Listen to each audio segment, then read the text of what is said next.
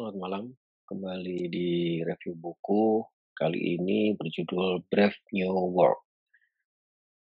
Penulis Aaron Dignan bersama Opang Salesman. Inti dari buku ini adalah tentang bagaimana kita, organisasi atau perusahaan melakukan evolusi atau perubahan dengan baik. Jika kita bertanya mengapa perusahaan tampak kesulitan, jawabannya adalah birokrasi.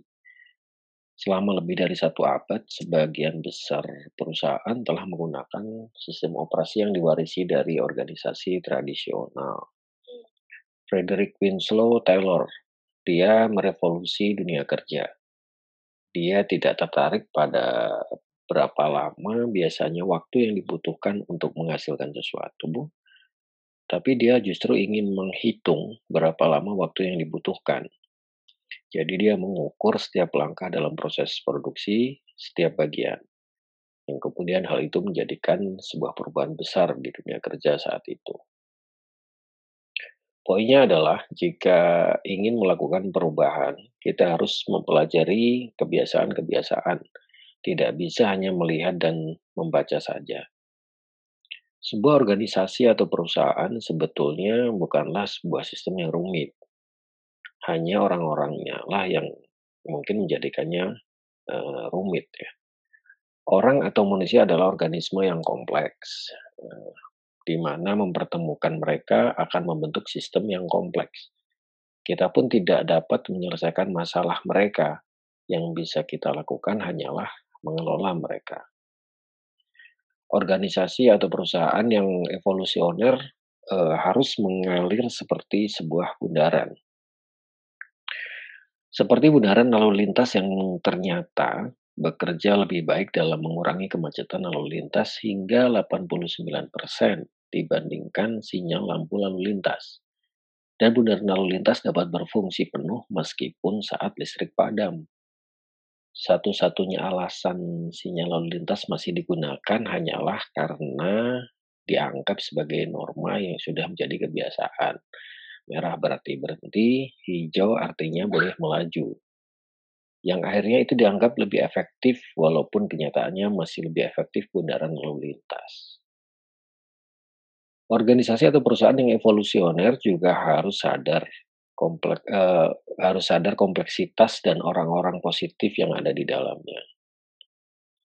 Tidak hanya mengenali bahwa sistem bisnis adalah sistem yang kompleks, organisasi atau perusahaan juga harus memperhatikan kompleksitas global pada umumnya dan kompleksitas manusianya. Organisasi atau perusahaan harus percaya bahwa orang-orang yang diberdayakan di tempat kerja akan mampu menangani kerumitan-kerumitan yang terjadi. organisasi atau perusahaan juga harus mempertimbangkan kembali uh, tujuan, uh, domain tujuannya Contoh Facebook mengembangkan sistem yang baik untuk menjaga arah dan tujuannya. Dua kali setahun mereka melihat kembali ke mana tujuan yang mereka inginkan. Untuk lebih dekat ke tujuan yang jauh itu, mereka fokus untuk menjadi besar saat ini sambil membingkai gambaran masa depan yang lebih besar. Nah, lalu bagaimana dengan cara kita sendiri untuk melakukan perubahan?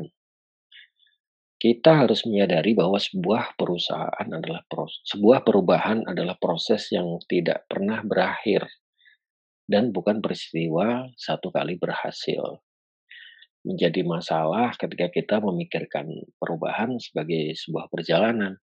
Anda berpindah dari satu tahap perjalanan ke tahap berikutnya. Harusnya perubahan lebih seperti asimilasi transformatif layaknya menuangkan susu ke dalam secangkir kopi. Warna pun perlahan berubah dari hitam menjadi coklat. Untuk mencapai perubahan, kita harus mengubah cara kita berubah. Kita harus melakukannya terus-menerus dan partisipatif dengan teknik perulangan, yaitu dengan mengidentifikasi, masalah, lalu memunculkan ide atau solusi, kemudian mencoba mempraktekannya. Begitu seterusnya pola perulangan yang harus kita lakukan. Ajak kolega dan rekan tim kerja untuk melakukan hal yang sama terus-menerus. sampai kita dapat merasakan kehidupan pekerjaan yang lebih baik. Brave New World. Selamat malam.